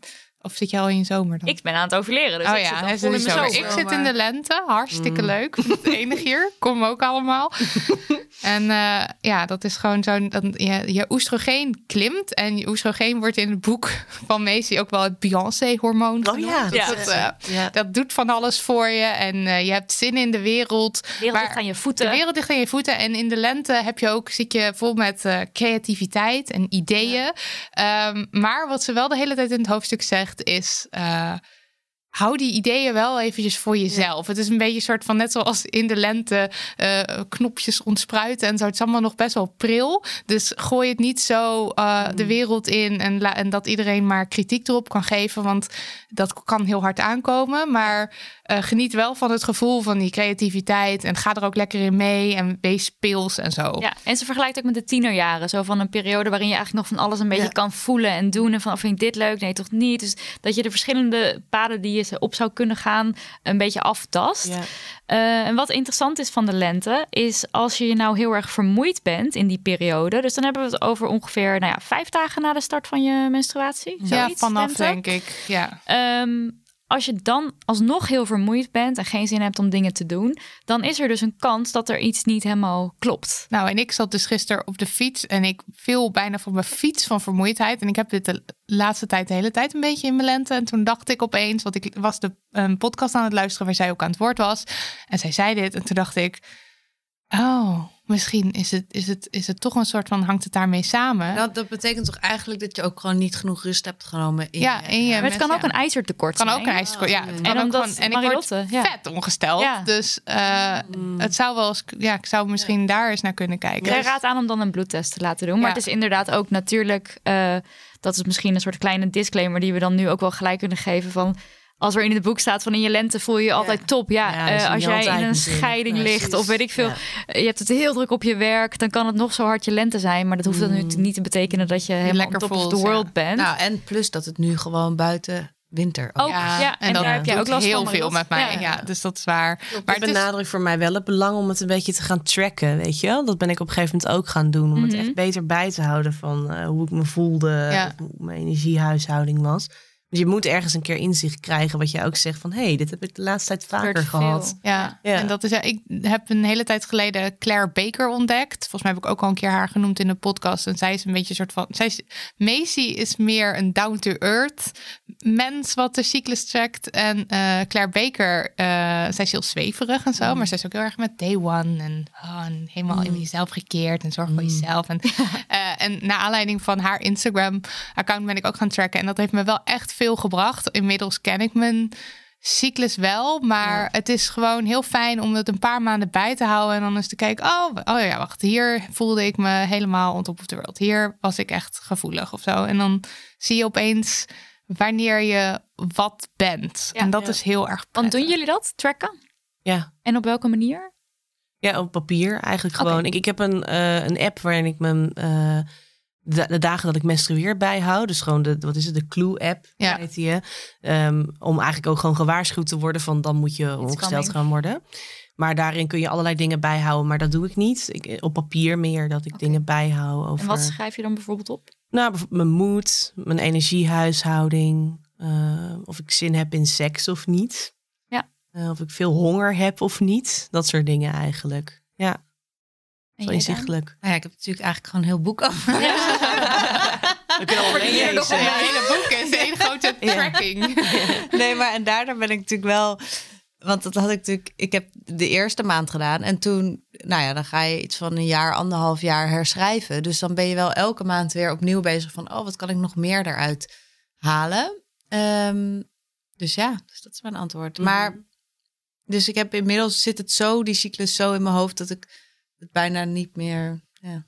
En je gaat er echt mee leven op Ja. een gegeven moment, toch? En dat is volgens mij ook wat Macy heel duidelijk wil maken. Van je moet eigenlijk die cyclus voor jou gaan laten werken. Dus dat je eh, er zo in zit, dat je al weet wat er komt. En Maar hebben jullie nooit ook een beetje het idee dat het dus op een gegeven moment, dat ik had ook zo'n app een tijd. En toen dacht ik, ja, maar nu wordt het ook een beetje, dan stond daar al een soort voorspelling. prophecy, ja. Ja, hoe ik Ja. me moest voelen. En dacht, ja, dat vind ik, vind ik, vond ik te heftig. ja, daarom doe ik dus echt alleen maar gewoon dat hij aangeeft. Dan overleer je en dan Oh, ja. begin je te bloeden. Echt alleen maar die twee dingen. Want verder denk ik ook, ja, dat, dat weet ik zelf wel. Want word, nu denk ik ook wel eens, of word ik in mijn herfst zeg maar zo weemoedig omdat ik denk dat gebeurt. Ja, maar ja. Ik vind dat ook een hele interessante gedachte. Ja. Ik heb het daar ook wel veel met Marilotte over. Van op welk moment ga je geloven in dingen die er niet zijn? Ja, maar ik ben daar dus niet mee eens. Omdat Nee. ik me altijd... eh, ik voel me op een bepaalde manier. En dan moet ik altijd heel eventjes denken... Waar zit ik in mijn cyclus? Oh, wacht eventjes. En dan Oh, ja. vind ik dat dus heel... Het werkt voor mij meer verklarend. Dan Ja, dat ik denk... ook. Nu zit ik in mijn herfst. En daarom ga ik nu PMS hebben of zo. Want het is, ik denk daar niet automatisch aan. Het werkt voor mij altijd heel erg verklarend. Dat ik even... Of iemand anders vraagt het. Waar in je cyclus zit je? En dat je dan even denkt... Oh, oh ja. Het zou eigenlijk ook Ja. een hele gewone vraag moeten gaan worden. Hè? Dat je aan Ja. elkaar gewoon vraagt van waar zit Waar jij in. Het zou heel inzichtelijk zijn voor allerlei dingen. Voor relaties, Ja, voor vriendschappen, ook, voor Maar dingen echt. op het werk. Het zou echt fantastisch kunnen werken om op die manier bijvoorbeeld groepjes samen te stellen voor projecten. Ja, Nou dat ja, vind ik ook wel- met dat werk waar zij heel erg op ingaat. Hè? Dat ze ook zegt van bijvoorbeeld ga je financiële administratie, doe dat dan in je herfst. Want Ja. dan heb je inderdaad in de lente Ja, heb je die ideeën. Ja. In de zomer heb je meer gerichtheid. En herfst een beetje zo van nou, ik ga alles eens verbeteren. In plaats van, ik bedoel in mijn herfst heb ik echt niet dat ik denk wat zou ik eens voor leuk nieuws gaan doen. Ja, ga dus niet een Nee. nieuw hoofdstuk. In jouw geval, dan stel je bent auteur. Precies. Ga niet een nieuw hoofdstuk of een nieuw boek Mm. proberen te schrijven in je herfst. Dat zegt ze ook zelf van. Ik probeerde dat. En op een gegeven moment dacht ik, oh shit, dat moet ik dus Lukt nu niet doen. niet. Want het lukt me niet. En Ja. dat komt omdat ik in mijn herfst zit. Maar het is wel moeilijk hoor. Ik kan nog steeds vind het moeilijk om me daar over te geven. Ja. Nou, het is dus eigenlijk eh, ook een heel niet-westerse manier van leven. Ja. Dat je Nee, want je veel moet meer... elke dag weer op precies dezelfde Ja, manier ja, op je werk terwijl- verschijnen. Dat is het idee. Precies. Ja. En, en, en het idee hiervan is dat je er eigenlijk aan over moet geven. Want het is, het is er gewoon. Je hebt het er maar mee te doen. Ja. Dus leren leven met die cyclus is nog best wel iets waar je je innerlijk zich eerst nog heel erg tegen verzet. Van, Ja. ja. dat kan niet. En wat in, ook in heel veel gevallen natuurlijk ehm, lastig te doen is. Dus stel je bent freelancer, dan Ja. heb je al veel meer ja, vrijheid. Absoluut, ja, dat merk Maar ik ook, als freelancer, eh, je zou zien dat wij... eh, nou, wij hadden een keer een boekpresentatie... terwijl jij Hef, full ja. blown PMS... en stond ze gewoon te Ik janken, jankend op die Ja. te boekpresentatie. signeren. Ik weet Ja. nu ook al als mijn boek uitkomt dat het. eh, Ja. En Maar- dan denk ik ook van, oh, en dan moet je dus publieke dingen gaan Ja. doen. Ja. Terwijl je eigenlijk spreken, misschien op Ja. tv. Maar dan op een of andere manier moet je het dus ook voor je... Daar zit ik te denken, hoe kun je dat dan dus voor je laten werken? ja, dat, Maar het kan op zo'n moment Alleen al die kennis is fijn hoor. Want ik zit Ja. nu al, eh, oké, ga ik kaartjes kopen voor Down the Rabbit Hole? Ben ik dan ongesteld? Oké, ik ben dan ongesteld. Is dat een goed moment? Dan ga ik echt zo, denk Oh, ja? ik nu. Ja.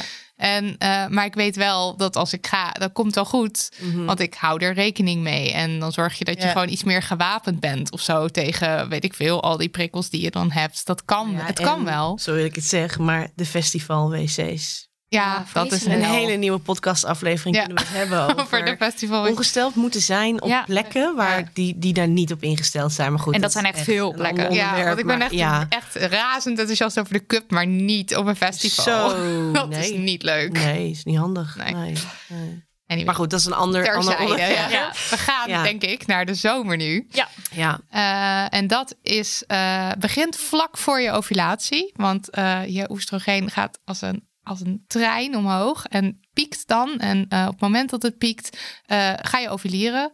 En eh, dat betekent dat er dus een ijsprong is.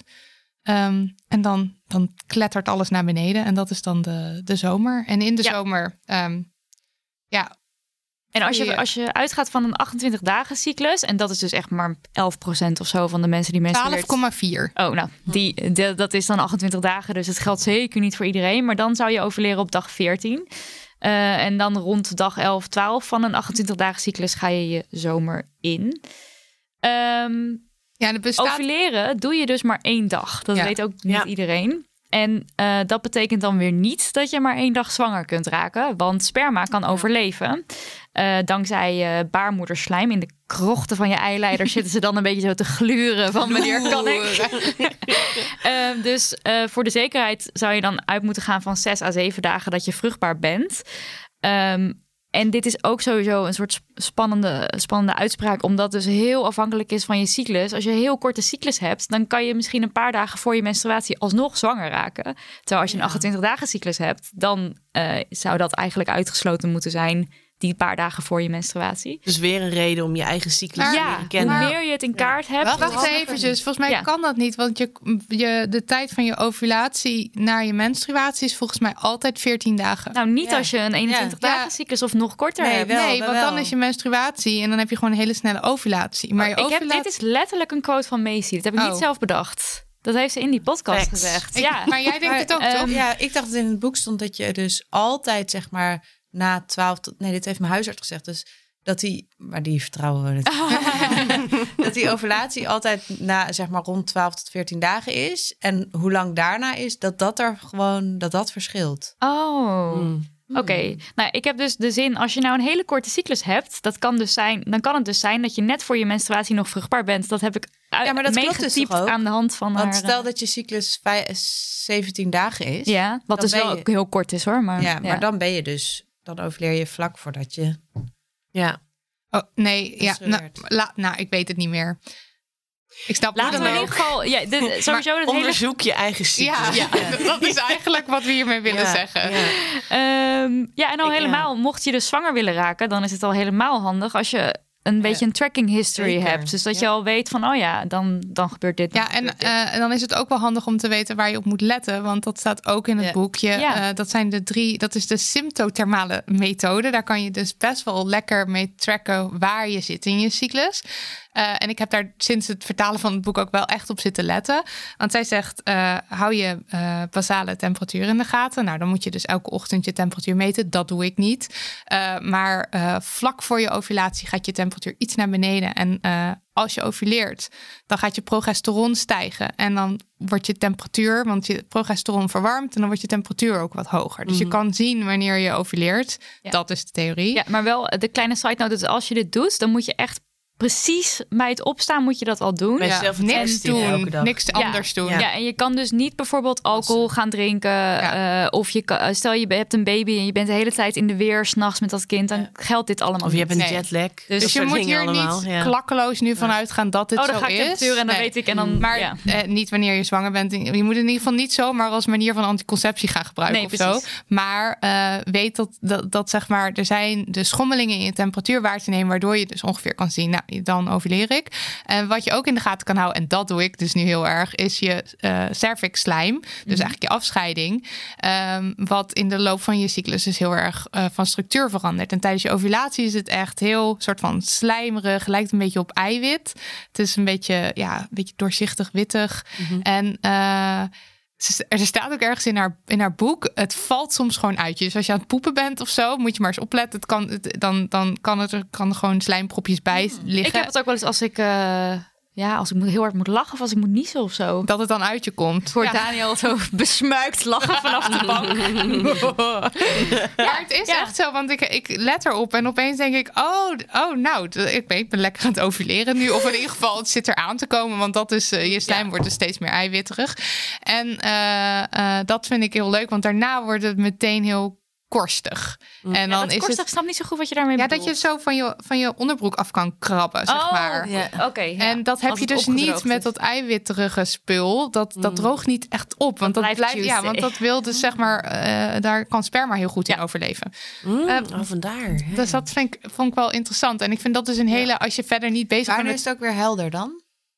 Dat is volgens mij dat. Het is echt, ja. dat Dus- is helder, plakkerig, Ja. eiwit. Maar zeg maar eiwit Oh, als ja, in als je hem openbreekt. als je hem openbreekt. Niet als je hem opklopt. ja, want daar dacht ik ook meteen Daar dacht aan. ik ook aan. Nee, het En is wat juist- is dan het derde ding? Ja, ben ik even Temperatuur. Oh, je baarmoederhals. Ja, Ja, oh ja, ja. of die, want eh, tijdens de ovulatie ligt die hoog, omdat dat, dat dan eh, het sperma minder Hebben grote jullie wel eens je baarmoederhals gevoeld? Ik heb dat echt, Ik- nou, ik denk misschien een maand geleden of zo pas voor het eerst gevoeld. En ik was best wel eng, helemaal amazed. Het stond echt zo, Daniel!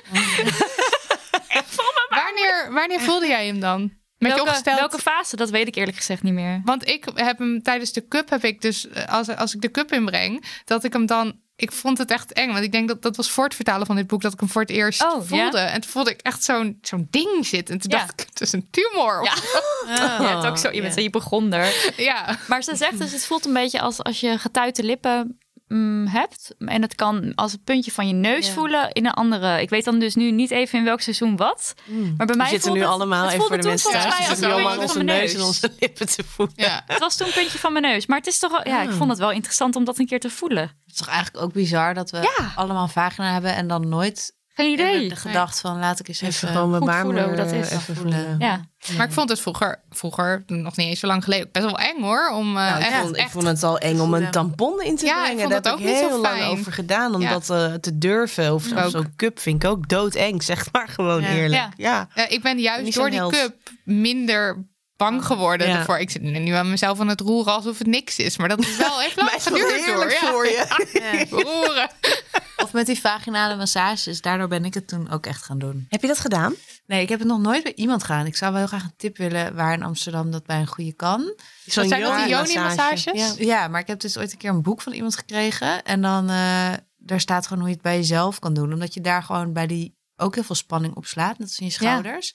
Dus je kan gewoon zeg maar, ja, ik doe het nu voor met mijn handen. Maar je kan eigenlijk, dus als je net naar binnen bent, kan je gewoon een beetje doen alsof je, net zoals je schouder masseert. Joh. Binnen in je vagina. Mhm. En dan voel je ook soms echt zo een beetje zeer. En daarna Ja. is het heel lekker. Ah, Oh. tip van Daan. Ja. Eh, Oké, even over je zomer verder. Oh, ja. Eh, je oestrogeen is dus helemaal daar. En dus eh, ben je on top of the world. En volgens de... Ja, dat, dat, is, dat hangt natuurlijk samen met... Je bent vruchtbaar. Dus de moeder natuur die denkt van... Ja, jij moet shinen en out there zijn en contact leggen. Een en je bent eigenlijk je, je lekkerste, meest geile zelf. Heel erg geïnteresseerd in andere mensen. Heel kletserig. eh, zodat je zwanger kan worden. Ehm, dus het is slim om sociale dingen te doen, om te gaan netwerken, eh, om public speaking eh, op te pakken. Je hebt ambitie, je hebt drive, je hebt helemaal zin in de wereld. Maar het kan natuurlijk ook een lastige periode zijn. Stel je wil zwanger raken, omdat het dan weer, dan ligt er opeens weer heel veel druk op.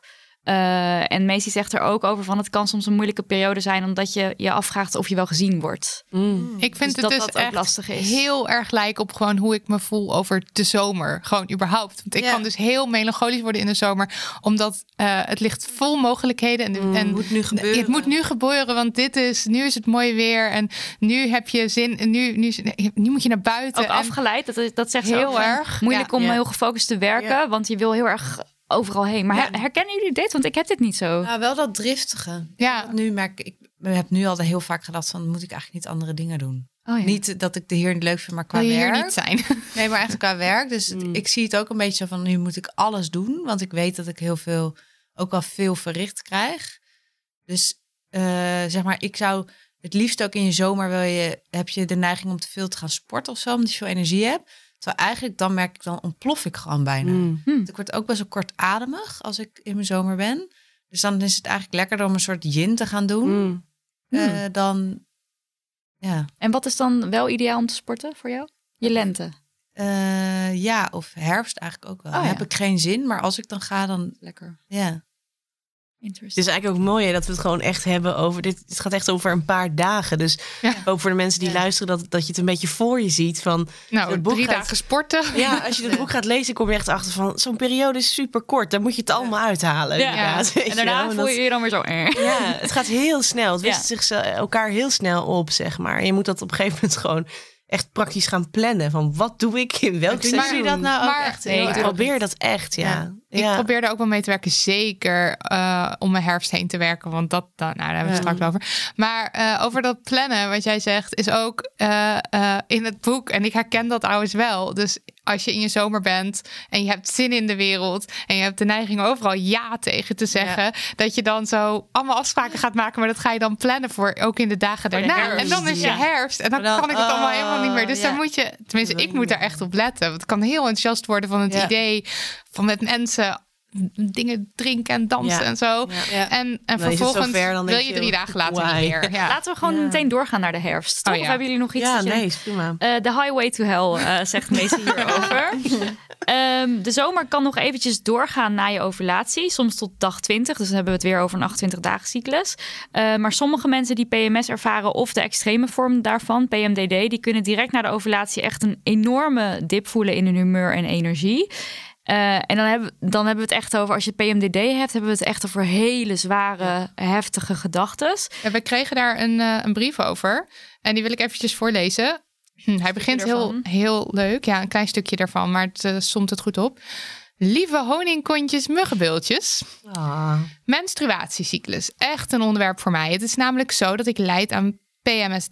Dit is, dit is een Nederlandse ja. versie, denk ik. Ja. Dit is eh, extreme PMS. Een zeer onderbelichte aandoening. De weken na mijn ovulatie verander ik steeds meer en meer in een suïcidale, boze, depressieve, verdrietige vrouw. Alle pijn ooit geleden in mijn leven. En dat is veel, komt eruit als een vulkaan. Ik wil niet meer leven en ik voel me ronduit kut. Mijn hoofd wordt steeds donkerder en er is pas langzaamaan verlichting als ik de eerste bloeddruppels zie. Ik ben twee weken lang een krachtige vrouw die haar traumatische verleden prima kan dragen en de wereld aan kan. De andere twee een hoopje ellende zonder grip op alles wat er komt.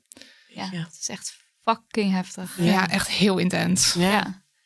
Ook omdat haar, al haar trauma's dus op die, Mm, in die periode weer zo haar ja, overspoelen. Of, eh, ja. Zegt eigenlijk meestal heel daar iets over. Omdat ze zegt dus wel van die krampen zijn niet normaal. Daar kun je echt wel mee werken. Maar zegt ze ook iets over dus die depressieve gevoelens. Of je daar...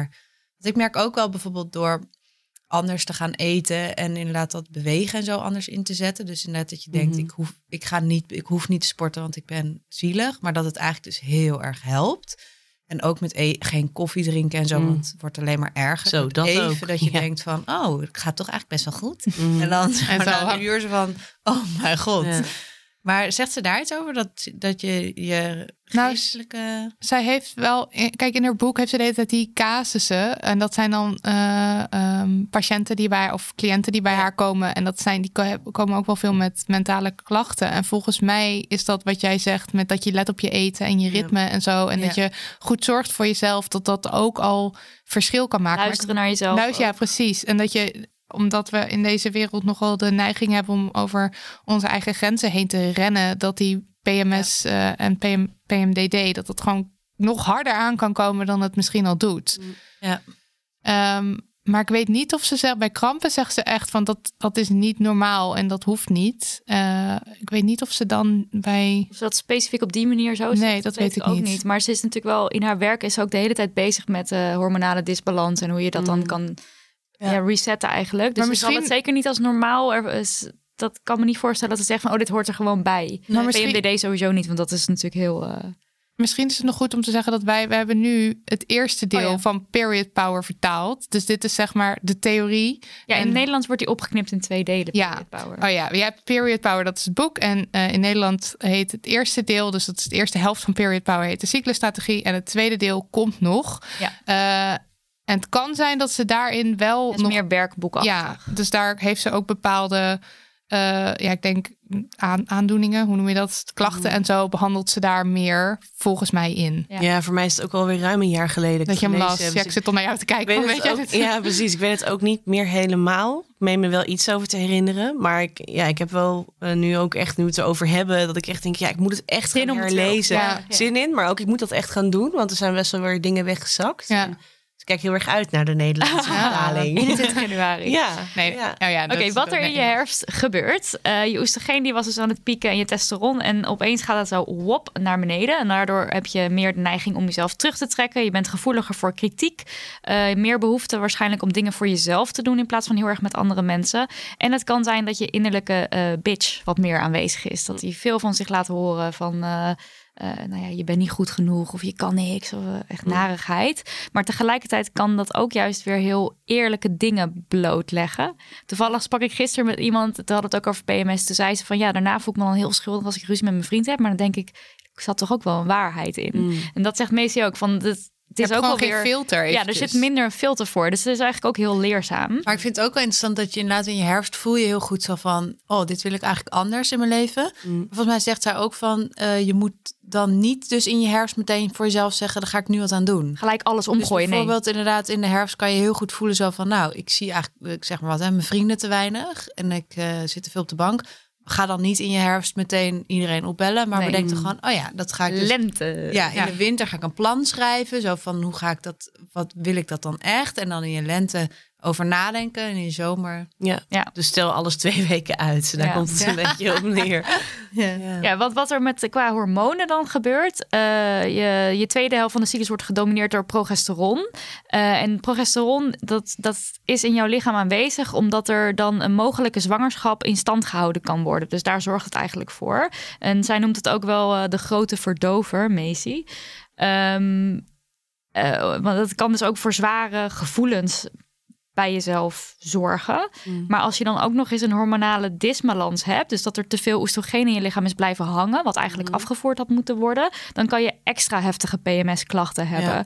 En dan eh, bij dat soort klachten, dan kan je dus denken aan dus die zware eh, gevoelens. Ja. Ehm, eh, maar ook bijvoorbeeld dat je opgeblazen Ja, gevoel ja, hebt. Precies. Ja. Eh, en dat is ook interessant, omdat dus je lichaam denkt van... oké, stel ik ben zwanger, de progesteron...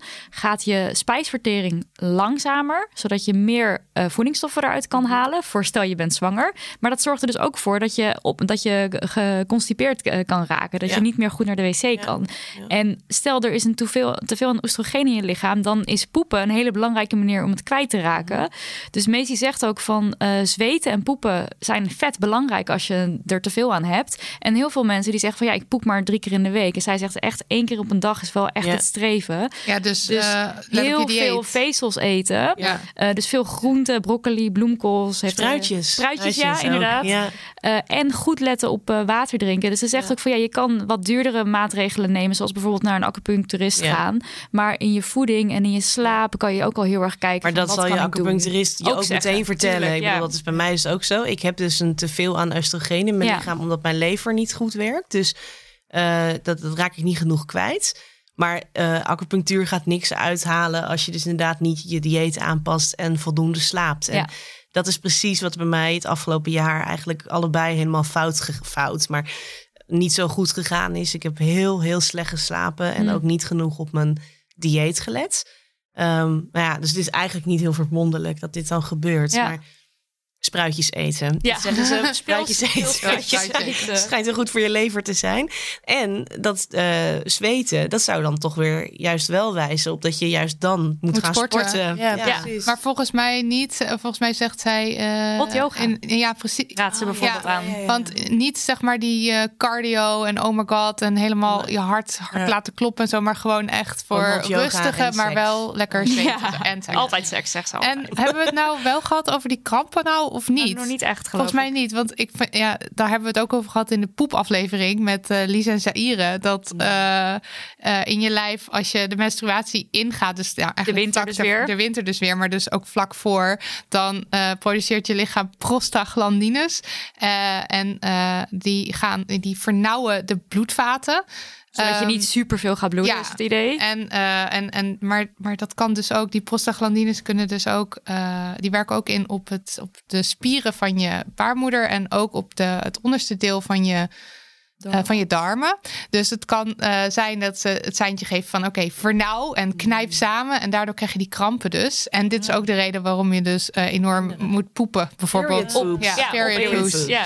Ja, en eh, dus het werkt zeg maar, het, is, het zijn die prostaglandines die dan overal op werken daar beneden. En dan Maar dat is toch gebeurt. ook wel fijn altijd. Want dan heb je inderdaad in je herfst zo van... Het hoopt zich allemaal op. Ik Ja, heb heel en dan laat je het ophopen. allemaal los. Ja, en Ja. dan eindelijk ongesteld. En dan... ah. ja. Ja. En echt een, echt een opruimslag Ja. wordt er dan Ja. gedaan. Hè? Het is echt bijzonder. Echt. toch heerlijk eigenlijk. Ja. Nou ja, je kan... Ik ben altijd heel blij hoor. Als Ik ben Ja, altijd heel wel, blij. Het Ja. klinkt misschien een beetje stom, maar op die manier, dat, dat heb ik ook echt uit het boek gehaald. Van ik heb echt ook meer waardering Ja, gekregen ja, voor mijn menstruatie. Ja. Gewoon dat het echt een doel dient. En nu ben ik ook echt blij dat ik zo mijn cyclus mag ervaren nu. Ja. Als je in de overgang komt, dan ga je daar natuurlijk ook weer afscheid van nemen. Ja. En toen had ik vandaag echt zo'n heel sterk gevoel van...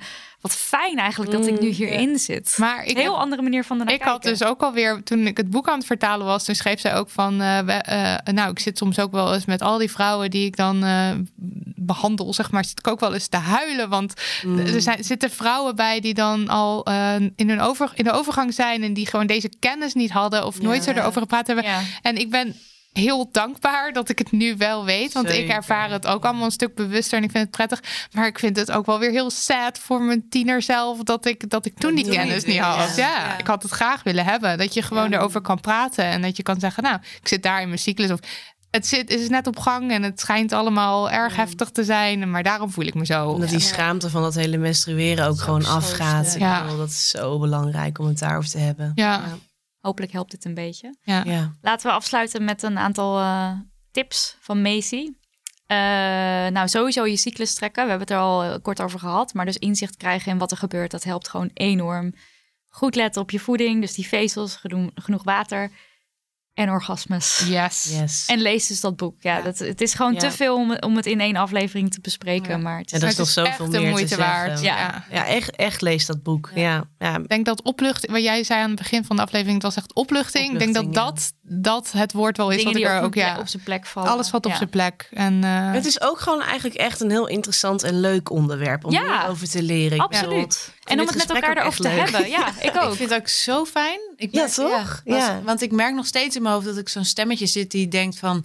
hmm, is dit nou geen gezeik of zo? Omdat Ja. het zit Ja. zo in je. Om, eh, We ja. zouden er echt met elkaar meer over moeten hebben. Dat, dat hele ding is geen grap van dat je gewoon elkaar zou moeten vragen van eh, waar zit jij Ja. nu in je cyclus? Ja. En geef het boek cadeau aan Ja, mensen in je goeie. omgeving die Vooral mensen mensen waarmee je moet werken. Want Weet met je, Marilotte ja. en mij, dat scheelt zo in Ja. onze werkrelatie ook. Als ik snap van, oh, dat Ja. is het. Want je voelt je natuurlijk als partner van degene die met de klachten loopt. Ja. Voel je je ook kut. Want je denkt, Ja. wat heb ik misgedaan? Ja. Of Ja. hebben we nu ruzie? Of hoe kan ik jou helpen? Of zo. Ja, ja, dus het is gewoon heel prettig om te Ja, weten het is een heel van goed elkaar cadeauboek, denk wat er ik. speelt. eh, ja. ja. Ik denk dat ik aan het overleren ben. Ik voel in één keer van alles. Ja? Jongens, iets happening. Het is merken in de chef, Wij gaan hier even een ceremonie... Eh.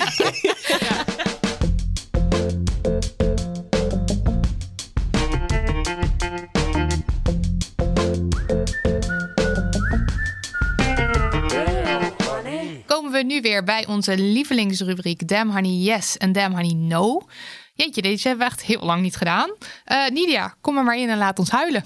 Ja, ik af en toe kom ik dan uh, dingen op Twitter tegen over Sander Schimmelpenning, die weer hele vervelende dingen heeft gezegd. Dat is de hoofdredacteur van Quote. Doet het er ook een beetje om, geloof ik. En eigenlijk denk ik dan altijd van ja, laat die man nou maar gewoon zijn seksistische gelul lullen. Maar dit vond ik gewoon zo'n hij haalde echt zo het bloed onder mijn nagels vandaan met wat hij hier aan het doen was. Um, dat ik dat even wil laten horen. Het is een fragmentje uit de, de Zelfspodcast van uh, Sander Schimmelpenning en Jaap Reesema. En uh, ze hebben het volgende te zeggen over Jolante boven Kasbergen. Was, ja, ja en toen vond ik het spannend. Toen vond ik het toch echt wel heel sexy. En, ja. en uh, nou, door de jaren heen heeft ze natuurlijk nog wel wat, uh, wat een en ander aan zichzelf laten doen. Toen was die relder bij Humberto Tan bij RTL Late Night. Ja, gewoon alles aan zichzelf. En toen was die relder dat het licht niet goed zou zijn. Maar ik heb haar dus nog een keer in het echt gezien. Uh, na alle verbouwingen. Ja, dat is gewoon verminking. Dat is echt, ja. vind ik heel erg. Want het is een mooie vrouw. Ja, ik zat een hele mooie met haar in, in het vliegtuig naar Kroatië. Ja. En um, nou ja, fysiek kun je er niks van zeggen. Ja, nee. er zitten, ja, is allemaal. Ja. Uh, maar inderdaad, wel als je de gezicht ziet, dan denk je wel van. Uh, ja, het is. Het is uh, ze gaan allemaal lijken op een kat, hè? Nou ja, Vind je? Ze gaan allemaal op elkaar lijken. Ze hebben het zelf gewoon niet, een ze kat, gewoon niet door. Een kat met down. Nou ja. Uh, dit is dan uit de rubriek Het Snoepje van de Week. En blijkbaar doen ze dit elke keer. En ik zat net ook eventjes uh, een ander stukje te luisteren. En zeggen ze, we gaan haar behandelen. Wat vind je ervan? Wel leuk, stout kopje, maar ook Nederlands. Hè? Doodnormaal meisje, maar wel heel leuk. Dochter van de Skybox-houder van Willem II, zou ik zeggen. Well to do. Dochtertje van een rijke ondernemer. De hele tijd dat, dat, dat denigerende toontje. Die heeft inderdaad wel een rijke papa. Lange benen, papa is dol op haar. Dat zeggen ze allemaal. Die vleeskeuring en gewoon dat ongegeneerde gaan zitten. En gewoon mensen beoordelen. Ik ga al deze dingen zeggen. Ja. ja. fysiek kan je er niks van zeggen. Maar het gezicht, ja, dat gezicht ja, is echt verminkt. Wat alsof je, fuck? Ja, alsof je het over een object hebt. What the fuck? Het is echt ja, het is zo objectificering. Ik heb er echt gewoon niet eens woorden voor. Nee. Echt niet. Ik snap echt ik snap echt niet waarom deze man een, uh, een, een column heeft in. Uh, volgens mij NRC of Volkskrant. Ik weet dat nooit. Dat nieuwe uh, programma, die vervanging van. Ja, ja, dat ook. Hij is gewoon een van de presentatoren van dat op één. Dus dat is waar die elke keer presentatoren ja. wisselen. Stel je zit daar als vrouw, als jonge vrouw. Dan nou kan je ja. toch niet meer ontspannen zitten? Of als oude vrouw, maakt eigenlijk niet eens uit. Want volgens mij wil die alles judgen wat langzaam mm. komt. Maar dat is toch gewoon ontzettend... Ik vind het heel erg raar. En ik vind heel die Sander Schimmelpenning gewoon een... Tof sausje. Ja, klopt. Want iedereen loopt toch met hem weg. Ja, ik weet niet waarom. Ik snap het er een lekkere, ene... snelle jongen. Whatever. Ja. Oké, okay, ja, Dermanies. Um, het was niet te missen afgelopen week de coming out van Nikki Tutorials. Voor wie haar niet kent, kan me niet voorstellen. Uh, het is een hele uh, grote uh, Nederlandse YouTube-ster. En ze doet mind-blowing dingen met make-up. Dat is echt fantastisch. wat zij allemaal met make-up kan. ze noemt haar fans glow babies. Vind ik mm. bijna net zo leuk als honingballen. En ze zat in Wie is de Mol? Daar ja, ken ik oh ja, haar vooral van. Ik, ik kijk daar niet. en voor ik begin, dit is eigenlijk zowel een yes als een no. Want um, de yes van dit verhaal is Nikki zelf. Want oh my god, die vrouw die is fantastisch. Afgelopen week verscheen er een video van haar uh, op YouTube. En uh, die video was getiteld I'm Coming Out. Hello guys, it's me, Nikki. Hello. Today I am here to share something with you that I've always wanted to share with you one day. Um, but under my own circumstances. And it looks like that chance has been taken away from me. So today I am taking back my own power and uh, I have to tell you something. In deze video uh, vertelt Nikki dat zij transgender is, dat ze een uh, meisje is, maar dat ze werd geboren in een lichaam waarin ze zich niet thuis voelde. En ze vertelt in deze video over hoe spannend en bevrijdend ze het vindt om dit nu aan de hele wereld te vertellen en dat ze het altijd al wel wilde doen, maar op haar eigen voorwaarden. En dit zegt ze ook de hele tijd en ik kan dat niet, daar niet genoeg mee eens zijn. Ze is en blijft gewoon Nikki. Er verandert helemaal niks met na deze informatie. Uh, nou, ik heb die uh, video best wel met kippenvel zitten bekijken. Ze zegt ook dat ze hoopt dat ze alle, uh, hoopt alle kleine Nikki's in de wereld te inspireren. Wat ik heel erg mooi vind. want als zo'n toffe en bekende vrouw als Nikki Tutorials. ja, zij is geboren dus met een mannelijk geslacht. Ja, zij is geboren met een mannelijk geslacht en zij is een meisje. Ja. En als iemand, zeg maar zo'n toffe vrouw als Nicky Tutorials opeens ja, uh, dat zegt, uh, dat kan gewoon een hele grote steun zijn voor alle jongeren die worstelen met het, ja, het onderwerp. is weer die representatie waar ja. we echt bijna elke podcast weer op terugkomen. Het is zo belangrijk om je rolmodellen te hebben, jezelf, om te zien waar je je herkent. Nou, als, ja. ik, als ik even mijn verkering, die ook trans is, overigens mm -hmm. mag uh, quoten... Um, dan is Nikki eigenlijk het levende bewijs van dat iedereen transseksueel zou kunnen zijn. Oh, sorry, transgender. Ik maak ook nog uh, veel fouten. Ja. Um, en dat is, dat is denk ik hier heel mooi aan. Ja, precies. Het, en het heeft een soort shock-effect bijna, maar dat is misschien ook maar eens goed. Ja, en dat je dat inziet. En het is ook hoe, hoe uh, meer uh, mensen ook uitspreken dat ze trans zijn, hoe normaler het wordt. Dus ja. in die zin ben ik ook heel blij met ja. Nikki die dat dan zegt. Ja. Maar de grote no hier vind ik, nou ja, ze is gechanteerd. Dat vind ik al echt belachelijk. Maar het is meer het feit dat je gechanteerd kunt worden met dat je trans bent, vind ik zo erg. Daar heb erg. ik echt geen woorden voor. Überhaupt eigenlijk dat die coming out nog uh, door mensen wordt uh, toegeëigend. Dat, Ja. dat iemand dat verplicht is om te doen. Ja, want, want er is tegen haar gezegd: je liegt tegen de wereld. Dus en dit moeten de mensen. Ja, waarover? Ja. Ik bedoel, Ja. zij is Ja. gewoon Nikki. Ja. Ja. Eh, en, en ja, wat ook gewoon heel kut is natuurlijk voor haar, is dat het nu de hele tijd daarover gaat. Het gaat dan nu niet meer om haar make-up misschien. Mhm. Want eh, vervolgens was er de volgende dag ging, gingen alle tv-programma's daarover. En het is wel, het is goed, want het gesprek komt op gang en rolmodellen en representatie. En ik vind Ja. het helemaal te gek hoe ze dit heeft aangepakt. Maar ik, ja, hoe ik word er is. heel verdrietig van. Maar het is wel. ook, ja, die aanleiding is verschrikkelijk. En ja, ja dat iemand jouw verhaal, eh, dat, die, dat die persoon heeft gedacht. Dat, nou ja, ja. dat maar het laat je sowieso nadenken over hoe we denken ons dingen toe te eigenen Ja. van andere mensen. Want wie is ons iets ver- eh, verschuldigd? Ik Ja, bedoel, niemand. Ja. Niemand zou dat ho- moeten hoeven vertellen. Of, Nee.